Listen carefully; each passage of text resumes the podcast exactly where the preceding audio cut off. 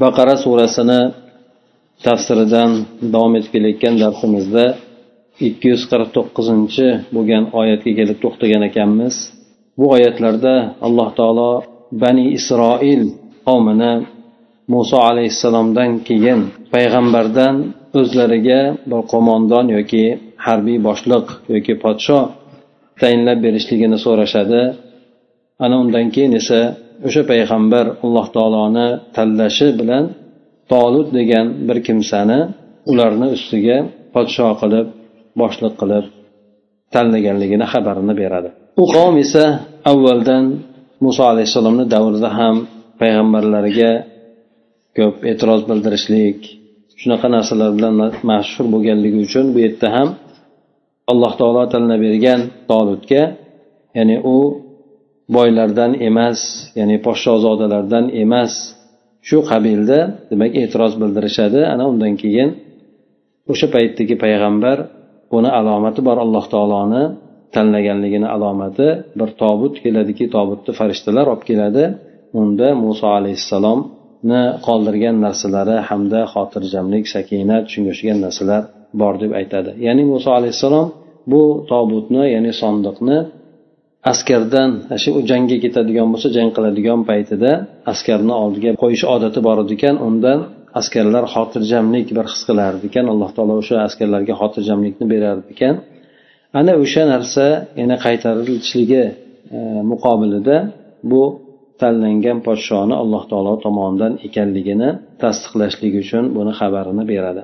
Ana o'shandek o'rtadagi payg'ambar bilan qavmini o'rtasidagi biroz kelishmovchilik bo'lgandan keyin tolut askarni olib dushmanga qarshi jolut degan dushmanga qarshi jang qilishlikka otlanadi ana o'sha o'ringa kelib bu yerda to'xtagan edik alloh taolo aytadiki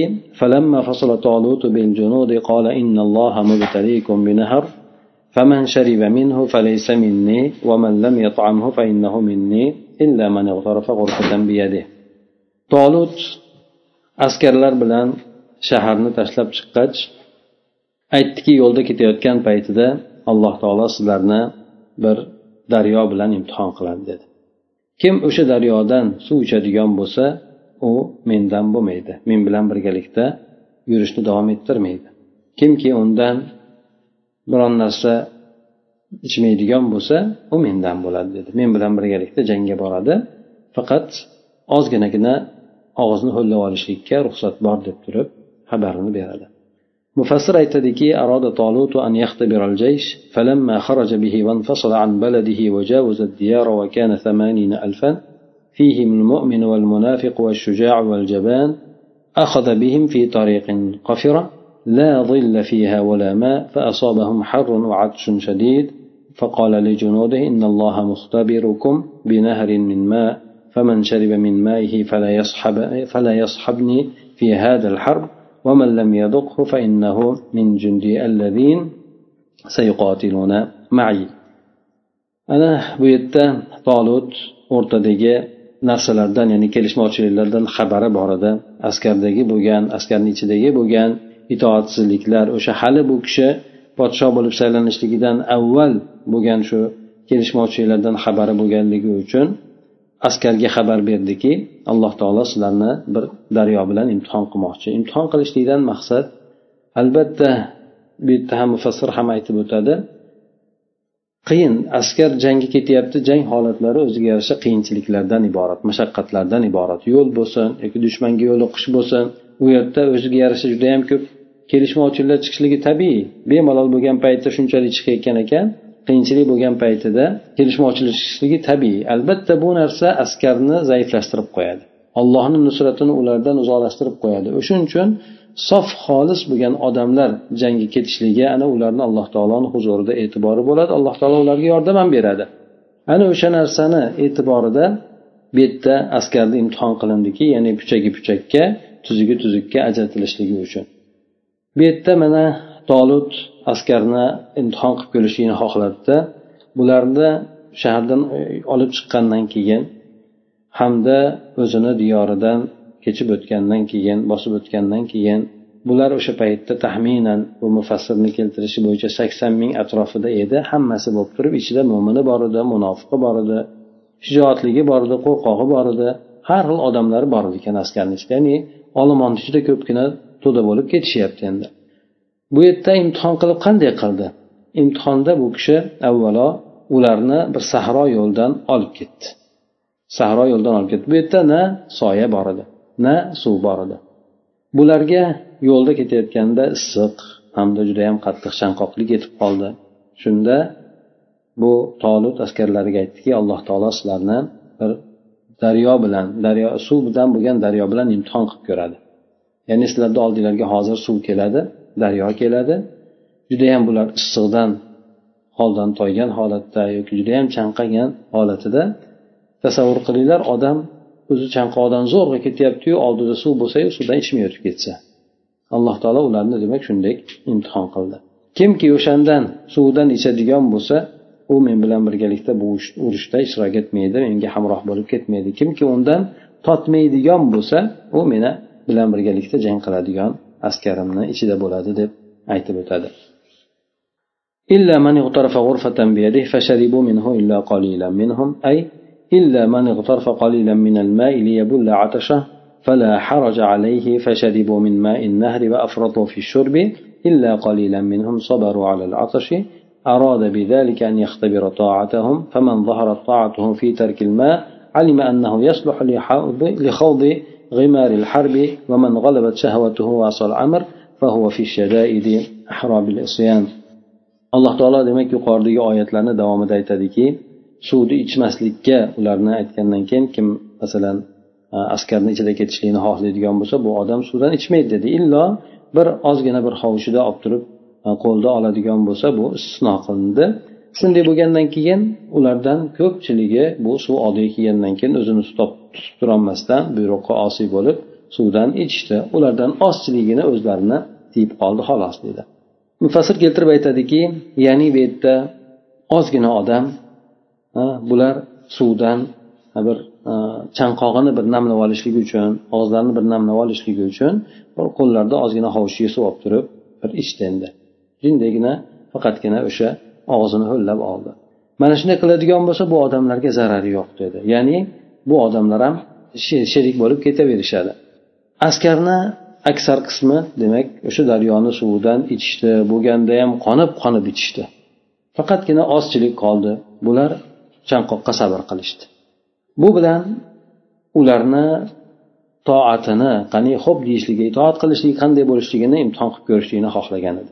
Kimni mana shu suvni tark qilishlikda bo'lgan itoati ko'rinadigan bo'lsa ya'ni itoati yuzaga chiqadigan bo'lsa demak ma'lumki jangda ichiga kirishlikda ham iroqli bo'ladi bular. Jangga bemalol bular bilan kirsa bo'ladi. Qaysi bir kimsani shahvati g'olib kelib buyruqqa osiylik qiladigan bo'lsa itoatsizlik qiladigan bo'lsa bu qiyinchilik bo'lib qolgan paytida itoatsizlik qilishligi bundan ko'ra ko'rinuvchiroq bo'ladi. Ana o'shandek demak bularni suv bilan oldin inson o'zini tutib turishligi qiyinchilikka chidashlik bilan alloh taolo bularni imtihon qildida imtihondan judayam judayam kamchilik o'tdi xolos. Ba'zi bir rivoyatlarda keladi. Mana bu yerda bir necha minglab endi chiqqan askar. Bu yerda ba'zi rivoyatda sakson ming deb aytyapti vallohu alam.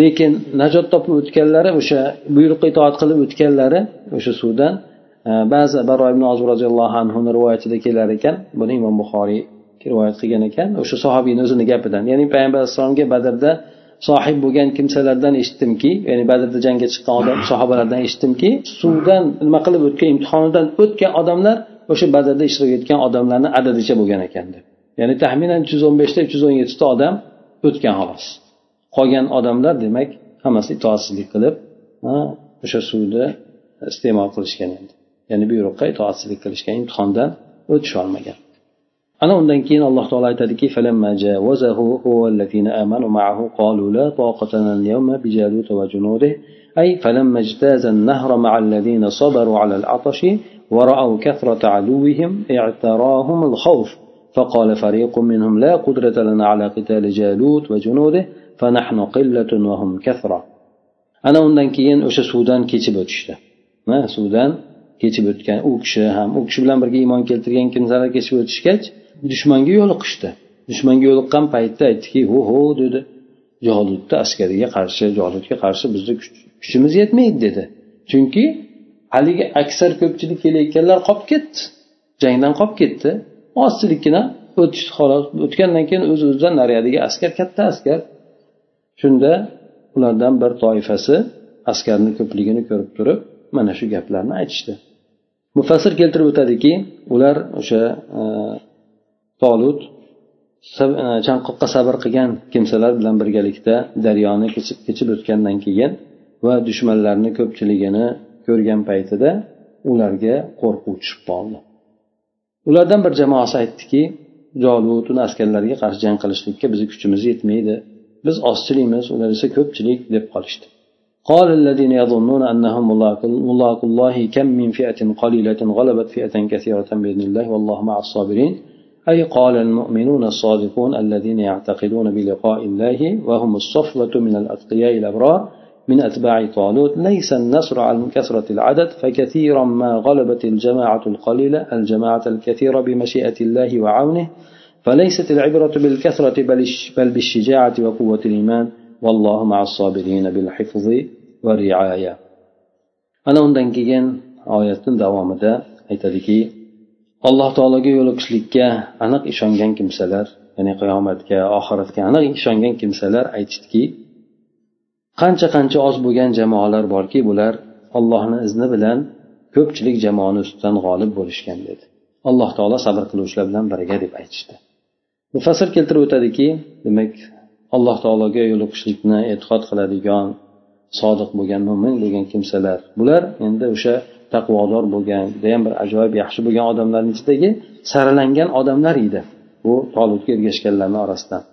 Mana shu bo'lgan judayam haligi E, iymoni mustahkam bo'lgan saralangan kimsalar aytishdiki g'alaba bu sonni ko'pligi bilan bo'lmaydi. Ko'pincha ozgina bo'lgan jamoat ham allohni izni yordami bilan xohishi bilan katta bo'lgan ko'pchilik bo'lgan jamoat ustidan g'olib bo'laveradi. Asosiy bu yerdagi e'tibor bu ko'pchilik bilan emas balki shijoat bilan bo'ladi iymon quvvati bilan bo'ladi. Alloh taolo sabr qiluvchilar bilan birgadir ularni saqlaydi ularga g'amxo'rlik qiladi deb aytishdi. Demak bu yerda qaraydigan bo'lsak ikki xil toifa. Haligilar imtihondan o'tganlarni o'zida ham ikki xil toifa chiqdi endi. Ikki xil toifasi ya'ni tushunchada e'tiqodda. Bir e'tiqod bor toifa ekan ularniki e'tiqod iymon zaifroq lekin nima bo'lganda ham ular ham o'sha nimadan daryodagi bo'lgan imtihondan najot topishgan edi. Lekin iymon zaifroq bo'lganligi uchun bular moddiy tomonga qarab hisob qilishdi. Ya'ni dushmanni ko'rdiki dushman ko'pchilik ekan o'zlari osiyo ekan o'sha hisob bo'yicha matematik hisob bo'yicha bular ko'p biz ostchiligimiz demak biz mag'lub bo'lamiz deyishdi. Lekin bu yerda alloh oxiratga ishongan kimsalar ya'ni qattiq ishongan kimsalar alloh taoloni hikmatiga ishongan kimsalar aytishdi buni aksini aytishdi. Nimaga endi alloh taolo bularga imtihonni avval yo'liqtirdi ko'pchilik askarni qo'shnichidan chiqarib tashladi daryodagi bo'lgan imtihon bilan. Ana undan keyin bu yoqqa o'tib kelgandan keyin bular ozchilik qolishdiyu dushman ko'pchilik ekan. Nima hikmat bor bu yerda alloh taolo? Nimani xohlagan edi endi bu yerda? Ko'pchilik qolishligiyu ozchilik o'sib turib bu dushman bilan yo'liqishligini demak buni ortida hikmat bor. Albatta alloh taolo bekorga qilgani yo'q bu narsani. Alloh taolo o'zi xolis bo'lgan bandalariga nusrat berishligini xohlabdi alloh taolo. Shuning uchun biz albatta allohni izni bilan g'alaba qilamiz deb turib bular shu narsaga e'tiqod qilib aytishdi.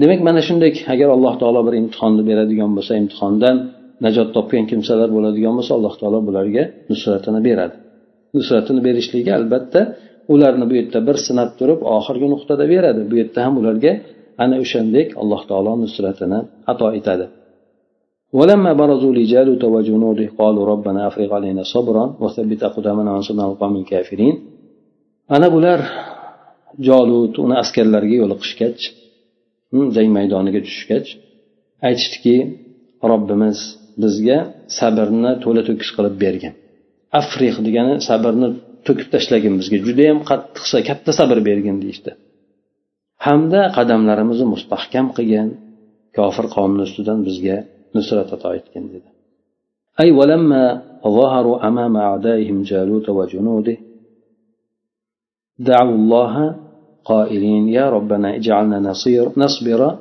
على ملاقاة أعدائنا وثبتنا في ميدان الحرب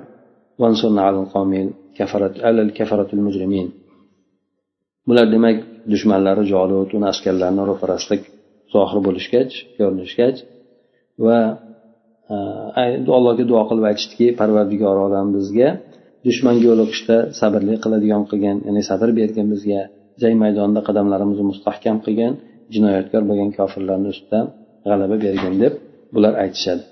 Ana agar e'tiborni qaratadigan bo'lsak bu yerda undan oldingi oyatlarda bani isroil talab qilishdi.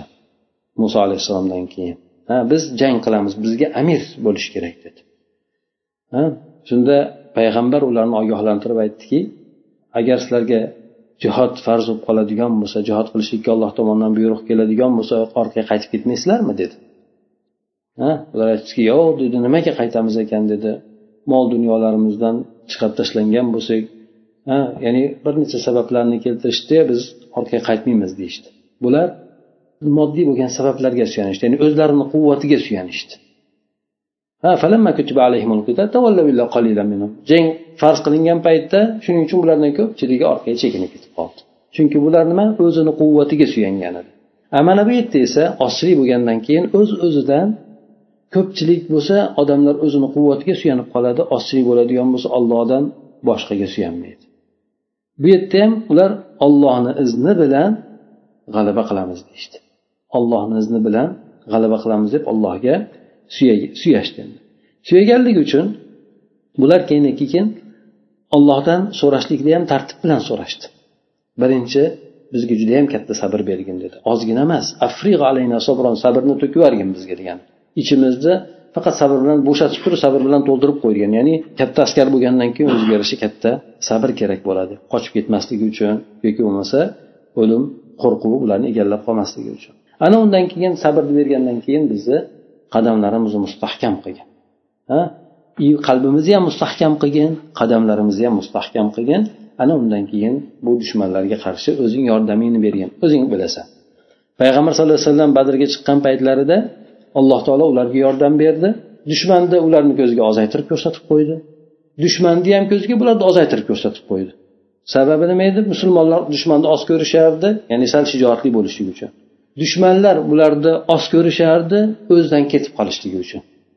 Ha dushmanlar ozchilik ko'rdi ha yengib tashlaymiz anaqa tashlaymiz deb o'z quvvatiga o'z o'zidan suyanishligi bo'ladi. Bu yerda keyin musulmonlar ular ustidan g'alaba qilgan bu yerda ham demak alloh taolodan ular o'zini bilgan narsasidan alloh taolo yordam berishligini so'rashdi allohni yordam berishligi ko'p tomon bilan bo'ladi farishtalarni tushirishligi bilan bo'ladi dushmanni qalbiga qo'rquv solib qo'yishligi judayam ko'p alloh taoloni askarlari bor فهزموهم بإذن الله وقتل داود جالوت وآتاه الله الملك والحكمة وعلمه مما يشاء أي هزموا أعداءهم بنصر الله وتأييده وقتل داود البطل وكان في ضمن جيش طالوت قتل جالوت رأس الكفر والطغيان وأعطاه الله أعطى الله داود الملك والنبوة وعلمه العلم النافع الذي يسوس به بني إسرائيل alloh taolo aytadiki bular ollohni izni bilan dushmanlarini mag'lub qilishdi allohni izni bilan chunki insonni o'zini quvvatiga tashlangan deydi haligida aytib o'tdik o'z uz o'zidan ozchilikni ko'rgan narsasi ular ko'pchilik biz ozchiligimiz demak mag'lub bo'ldik degan narsa bo'lardi ollohni izni bilan bularni alloh taolo dushmanlarni dushmanlarni ular chekintirishdi. Ustidan g'olib bo'lishdi. Nafaqat chekintirishdi balki dovud alayhissalom hali payg'ambar bo'lishligidan oldin jolutni ha o'sha dushmanni podshosini o'ldirdi ham. Demak dushmanni podshosi o'ldirilishligi bu to'liq suratda ularni yakson bo'lganligini mag'lub bo'lganligini anglatadi. Alloh taolo ana undan keyin dovud alayhissalomga mulk podshohlikni berdi. Hamda hikmatni payg'ambarlikni berdi va yana o'zi xohlagan narsalardan dovud alayhissalomga alloh taolo ilm o'rgatdi o'zi ta'lim berdi. Mufassir aytadiki alloh taoloni yordami bilan qo'llab quvvatlovi bilan ular dushmanlarni ustidan g'alaba qilishdi. Dovud batol qahramon bo'lgan pahlavon bo'lgan dovud alayhissalom bu kishi tolutni askarini ichida bo'lgan edi o'sha paytda. Kufrni tug'yonni boshlig'i bo'lgan jolutni qatl qildi o'ldirdi. Alloh taolo keyin dovud alayhissalomga podshohlikni payg'ambarlikni berdi. U kishiga foydali ilmlarni berdiki bu bilan u kishi keyinchalik bani isroilni boshqaradi. Demak alloh taolo ularni saraladi. Saralab beradigan ne'matini ham berdi. Alloh taologa ular bog'lanishganda alloh taoloni rioyasida bo'lishdi. Ana undan keyin alloh taolo ularni orasidan yana bir yaxshilikni tanladiki bu o'zlarini orasidan payg'ambarni ham tanladi bu payg'ambar bu dovud alayhissalomni ma'lumki payg'ambar dovud alayhissalomni qanchalik mashhurligi qanchalik alloh taologa yaqinligi demak avvalgi payg'ambardan ham ko'ra bu kishini darajasi ulug' bo'ldi chunki dovud alayhissalomni zikri ko'p marta keladi endi ولولا دفع الله الناس بعضهم ببعض لفسدت الأرض ولكن الله ذو فضل على العالمين أي ولولا أن, أن الله يدفع شر الأشرار عن المؤمنين ويسلط بعض الكفار على بعض لفسد الكون وفسد العالم ولكن الله جلت عظمته ذو فضل وإنعام على البشر alloh taolo mana shunaqa qilib odamlarni bir biri bilan daf qilmaydigan bo'lsa birini masalan zulm qiladiganlarni zolimlarni adolat o'rnatadiganlar bilan qulatmasa yo'qotmasa bunda yer fasodga uchrab ketgan bo'lardi. Ha zolimlar uzoq turaveradigan bo'lsa yer vayron bo'lib ketgan buzuq bo'lib ketgan bo'lardi. Mana shunaqa qilib alloh taolo vaqti vaqti bilan zolimlarni ketkizib turadi. Lekin alloh taolo o'zi butun olamlarni ustidagi fazli rahmat egasidir deydi. Alloh taolo mana shunday qilib olamlarga butun e, insonlarga marhamat ko'rsatib turadi. Mufassir aytadiki alloh taolo mana shunaqa qilib yomonlarni yomonligidan mo'minlarni daf qilib turmaydigan bo'lsa kofirlarni birlarini birlarini ustiga hukmron qilib turmaydigan bo'lsa koinot fasodga uchrab butun olam buzilib ketgan bo'lardi. Lekin alloh taolo alloh taolo buyukligi ulug' bo'lgan zot bu zot butun insonlarga fazl marhamat ko'rsatadigan zotdir deb keltirib aytadi. Demak mana shunaqa qilib alloh taolo insonlarni ba'zilarini ba'zilaridan daf qildi. Avvalo alloh taolo aytib o'tganimizdek insonlarni imtihon qilib puchagini chiqarib tashladi. Bu ham alloh taoloni o'shanday odamlarni daf qilishligiga sabab bo'ldi. Ya'ni alloh taoloni nusratiga loyiq bo'lmaydigan kimsalar chiqib ketishdi o'zlari qolishdi. Ostilik bo'lsa ham alloh taolo ularga yordam berdi. Demak alloh taolo mo'minlar bilan kofirlarni daf qildi zolimlarni bu yerda halok qildi. Yana ba'zan bo'ladi boshqa oyatda keladi. Mana shunaqa qilib alloh taolo zolimlarni zolimlarga hukmron qilib qo'yadi. Ha nima uchun? Ya'ni zulm qilganliklari sababli bir birini shu bilan daf qiladi alloh taolo. U ham boshqa oyatda keladi. Demak alloh taolo odamlarni zulm qilib tashlaganlarini daf qilishlik uchun har xil usullarni qilar ekan. Bu bilan sabab nima? Chunki yerda yomonlik hukmron bo'lib ketmasligi uchun.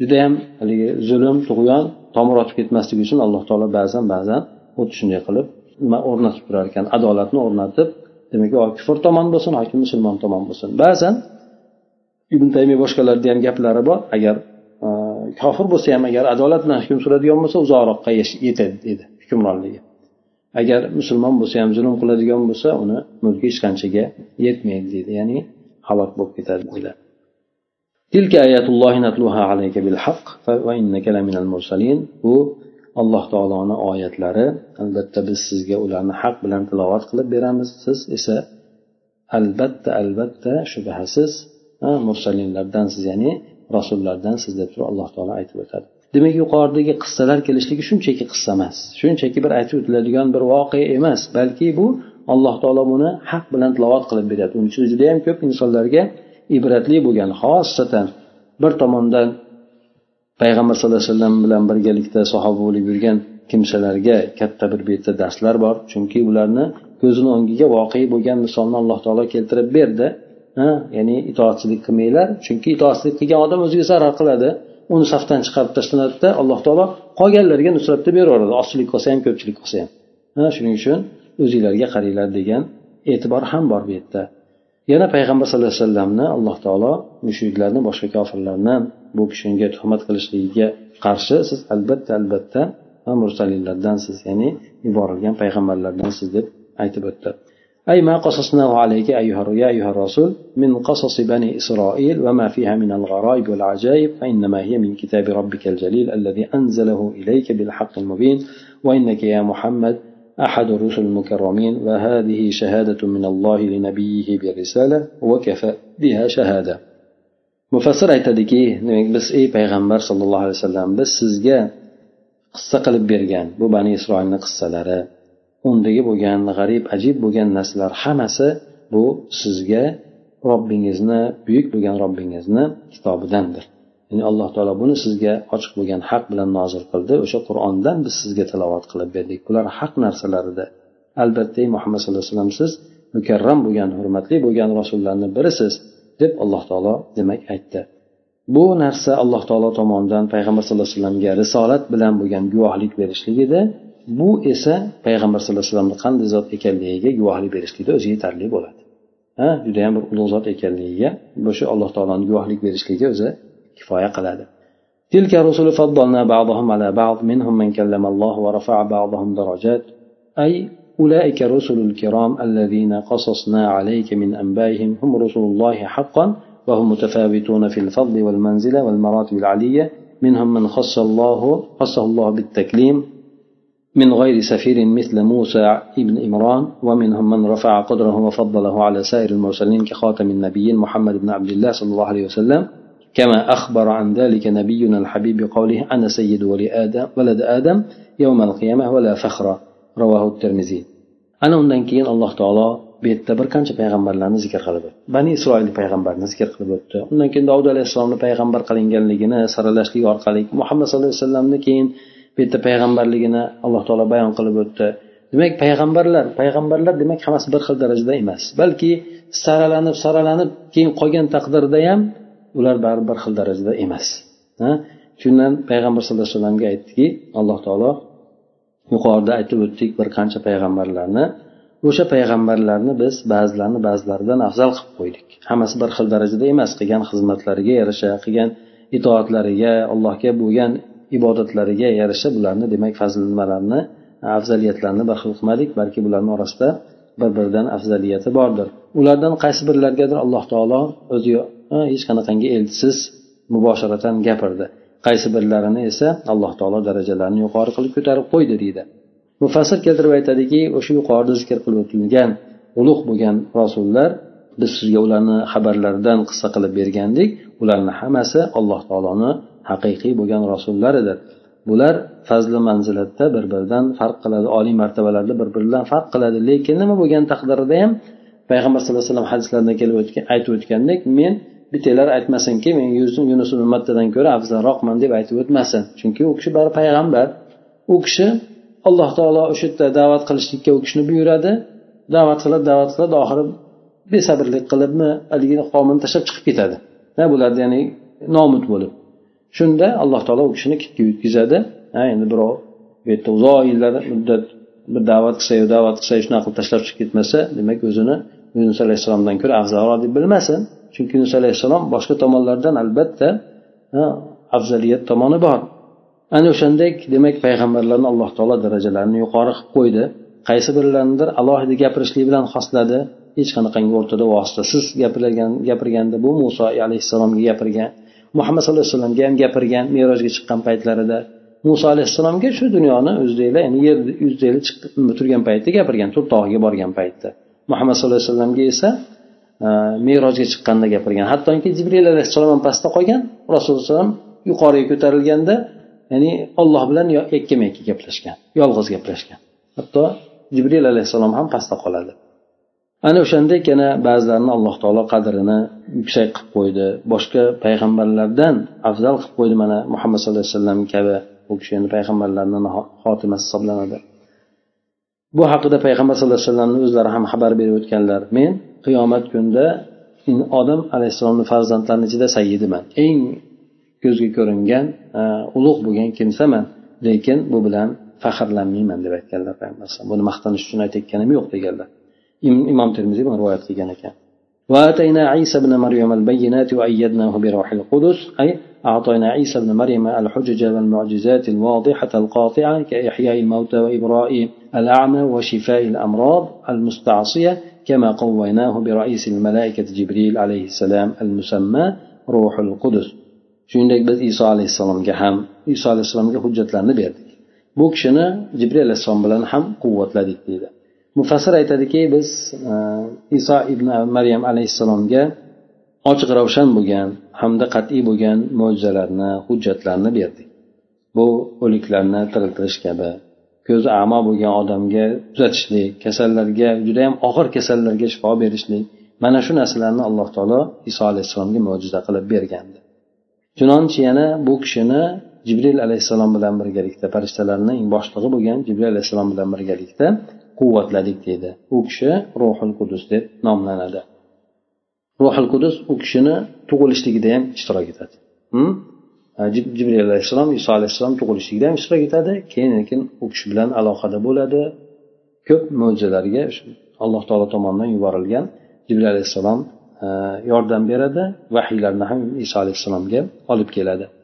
ولو شاء الله ما اقتتل الذين من بعدهم من بعد ما جاءتهم البينات أي لو أراد الله ما ما اقتتلت الأمم الذين جاءوا بعد الرسل من بعد تلك الحجج الباهرة والبراهين الساتعة التي جاءتهم بها رسلهم ana undan keyin payg'ambarlar hamma hujjatlarni ochiq ravshan bo'lgan hujjatlarni olib keldi lekin payg'ambarlardan keyingi bo'lgan ummatlar nima ish qildi agar alloh taolo xohlaganda edi bular payg'ambarlardan keyin ularga ochiq ravshan hujjatlardan kelgandan keyin jang qilishmagan bo'lardi. Alloh taolo agar xohlaganda edi hammasi bir biri bilan judayam ittifoq inoq yashagan bo'lardi payg'ambarlardan keyin ham. Payg'ambarlar davrida u kishi payg'ambarga ergashganlar qanday yashagan bo'lsa xuddi shuningdek payg'ambardan keyin ham boshqalar shunday yashagan bo'lardi agar alloh taolo xohlaganda edi mufassir aytadiki alloh taolo agar xohlaganda edi xalqlar ya'ni payg'ambarlardan keyin kelgan xalqlar bir biri bilan jang qilishmagan bo'lardi. bularga ochiq ravshan hujjatlar judayam kun yorug'dek bo'lgan dalillar mana shu narsalar kelgandan keyin hamma narsani haqni bilib bo'lgandan keyin urushmagan bo'lardi itoat qilishgan bo'lardi haqqa qabul qilishgan bo'lardi bu narsalarni esa payg'ambarlar ularga olib kelgandi ولكن اختلفوا فمنهم من آمن ومنهم من كفر ولو شاء الله ما اقتتلوا ولكن الله يفعل ما يريد lekin bular ixtilof qilishdi ya'ni dinda ixtilof qilishdi bir biridan farqli e'tiqodda bo'lishdi. Ana ularni qaysi birlaridir iymon keltirdi qaysi birlaridir payg'ambarni olib kelgan payg'ambarni o'ziga ham olib kelgan narsalarga ham kofir bo'lishdi. Yana alloh taolo aytadiki agar alloh taolo xohlaganda edi jang qilishmagan bo'lardi hammasi bir farishtadek bo'lib hammasi bir biriga birodardek allohga itoat qilib yashashgan bo'lardi. Lekin alloh taolo buni xohlamadi. Alloh taolo o'zi xohlagan narsasini qiladi. Mufassir aytadiki أي ولكن الله لم يشأ هدايتهم بسبب اختلافهم في الدين وتشعب أهوائهم ومذاهبهم فمنهم من ثبت على الإيمان ومنهم من انحرف وكفر. ولو شاء الله لجعلهم كالملائكة لا يتنازعون ولا يقتتلون ولكن الله حكيم يفعل ما يوافق المصلحة لا اعتراض عليه في حكمه وقضائه. lekin alloh taolo ularni hidoyatini xohlamadi bu ularni dinda har xil bo'lganligi sababli havoyi nafslarini tutgan yo'llarini turli tuman bo'lib ketganligi sababli edi. Ulardan mana qaysi birlaridir iymonda mustahkam bo'ldi qaysi birlaridir to'g'ri yo'ldan og'ib kofir bo'lib ketdi. Alloh taolo agar xohlaganda ularni hammasini bir farishtalar kabi qilib qo'ygan bo'lardiki bular hech qachon bir birlari bilan kelishmovchilikka ham borishmaydi bir biri bilan jang ham qilishmaydi. Lekin alloh taolo hikmatli bo'lgan zot nima narsa manfaatga maslahatga muvofiq keladigan bo'lsa o'sha narsani qiladi. Alloh taoloni qilgan chiqargan hukmida qazo hukmida hamda hikmatlarida alloh taologa hech qanaqangi e'tiroz bildirishlik yo'q deb aytadi. Demak yuqoridagi bo'lgan ummatlarni har xil bo'lishligi biri kofir bo'lib biri musulmon bo'lib ketishligi yoki bo'lmasa biri payg'ambarga allohga itoat qilishligi ba'zilar esa ko'p o'rinlarda itoatsiz bo'lishligi demak bu hayotda alloh taolo qo'yib qo'ygan qonunga muvofiq ekan. Alloh taolo insonlarni shu tabiat bilan yaratdi. Bir biri bilan ixtilof bo'lishligi bu alloh taoloni qo'ygan qonuniga binoan ekan. Shuning uchun oyatda ham keladiki insonlar demak ixtilof bo'lib davom etishadi bir bir biridan farqli bo'lib ixtilofda bo'lib davom etishadi. Ixtilof deganda bir bilan janjallashib emas balki turli tuman yo'llarni olib turli tuman e'tiqodlarni dinlarni olib davom etishadi. Illo alloh rahmat qilganlari bir dinni olib o'sha bir dinni mustahkam bo'ladi. Alloh taolo shuning uchun yaratgan. Har hayot insonlarni dunyoga kelishligi farishtalar kabi emas. Alloh taolo farishtalarni bir xil yo'nalishda bir xil ibodatda bir xil e'tiqodda hammasini bir xil qilib yaratdi lekin insonlarni esa farishtalardan farqli ravishda insonlarni o'ziga tashladi. Buni o'zidan kelib chiqdiki demak odamlarni kimdir hidoyat hidoyatni tanlaydigani bo'ldi kimdir kufrni tanlaydigan bo'ldi. Alloh taolo mana shunaqa qilib ularni imtihon qiladi. Yuqorida aytib o'tdik alloh taolo insonlarni ko'p o'rinlarda sinar ekan. Sinagan mobaynida qaysi bir insonlardir? Ko'pincha ko'p insonlar chetga chiqib ketar ekan. Demak chetda qolib ketar ekan. Inson o'zi bu narsani o'zi biladi yoki bilmay qoladi. Yaxshi bo'lgan narsasiga alloh taolo o'zi yaxshi ko'rgan kimsalarni muyassar qilar ekan. Lekin nariga chiqib ketganlar ham butunlay dindan ajrab ketgani yo'q. Lekin ular o'sha vazifaga o'sha muhimmaga noloyiq bo'lgan kimsalar alloh taolo shuning uchun bularni u yerda qo'ymadi. Mana payg'ambar sallallohu alayhi vasallam uhud jangiga chiqib ketayotgan paytida uhud jangiga chiqib ketayotgan paytida bir imtihon bo'ladi. Imtihon bo'lishligi qaysi? Arzimagan narsa. Dushman keladi madinaga kelganda xabar keladi nima qilamiz deb payg'ambar alayhisalom madina ahlidan maslahat so'raydi. Jangga chiqamizmi yoki madinada kutib olamizmi dushmanni deb. Tashqariga chiqaylikmi deydi. Yoshlar aytadiki tashqariga chiqib urushamiz deydi. Madinaga kelmasdan tashqarida biz ularni kutib olamiz deydi. Yoshi katta bo'lgan odamlar aytadiki yo'q madinaga kelsin biz shu yerda ularni shaharni himoya qilib shu yerda urushamiz ular bilan deydi keyin payg'ambar alayhisalom qaraydi ko'pchiligi demak tashqariga chiqishlikni talab qilyapti. Bo'lib ham yoshlar bo'ladi ko'pchiligi. Keyin bo'pti payg'ambar alayhisalom ularga gapiga xo'p deydida urush kiyimlarini kiyib otlanadi endi tashqariga chiqib. Nima tog'ga borishlikda o'sha yerda madinani tashqarisiga chiqib dushmanni kutib olishlikka demak payg'ambar alayhissalom tayyorgarlikni ko'rishni boshlaydi shunda yoshlar o'sha tashqariga chiqamiz degan odamlar aytadiki ey rasululloh biz sizni majbur qilib qo'ymadikmi? Ha ya'ni biz sizni o'sha nimamiz bilan ishtiyoqimiz bilan hamosatimiz bilan sizni tanlaydigan narsangizdan biz sizni burib qo'ymadikmi deydi. Ya'ni yana qarang o'zingiz. Agar shu yerda madinada qolma qilamiz desangiz qolaveramiz deydi. Payg'ambar alayhisalom aytadiki yo'q payg'ambar qaysi bir payg'ambar jangga kiyimini kiyib otlangan bo'lsa orqaga qaytmaydi. Ya'ni chiqadi deydi. Yo'lda ketayotgan paytda munofiq abdulloh ibn ubay o'ziga yarasha ergashuvchilari bo'ladi. Bo'lmasa payg'ambar alayhissalom bor bu yerda mo'jizalar bor oyat nozil bo'lyapti hamma yo'q bor. Odamlar hamma narsani ko'rib turibdi bu yerda. Ketayotgan paytda aytadiki o'zaro gaplashib turib bu deydi yosh bolalarga quloq soldi deydi. Ha ya'ni bizni e'tibor qilmadi deydi. Ya'ni katta odamlar baribir katta odamku endi bunday aytganda. Bo'lib ham u ham endi payg'ambar sallallohu alayhi vasallam madinaga kelishligidan oldin shaharni hokimi qilishlikka uni tayyorlanishayotgandi. Ya'ni shunaqa darajadagi bo'lgan odam edi. Ularni gapini olmadi. Ko'pchilikka qarab turib shunda demak bizni gapimizga e'tibor qilmadida qattigi bo'lgan odamlarni gapini oldi deb gapiradi. Shunda uni gapiga ho'p deb turib uch yuzta odam qo'shiladi unga. Ketayotgan paytida orqaga qaytishadi. Ya'ni tashqarisiga chiqib ketayotgan paytda o'sha yerda bular orozlashib biz gapimiz olmadi deb turib uch yuzta odam qaytadi. Uch yuztani hammasi munofiq bo'lib ketadi. Ha munofiq bo'lib o'ladi deydi munofiq bo'lib ketadi. Agar shular dedi undan oldin o'tganda iymonda ketishgan bo'lardi. Ha arzimagan narsa bilan demak alloh taolo ularni shu yerga borishligini xohlamadi. Hazil ekan nima emas bu yerda?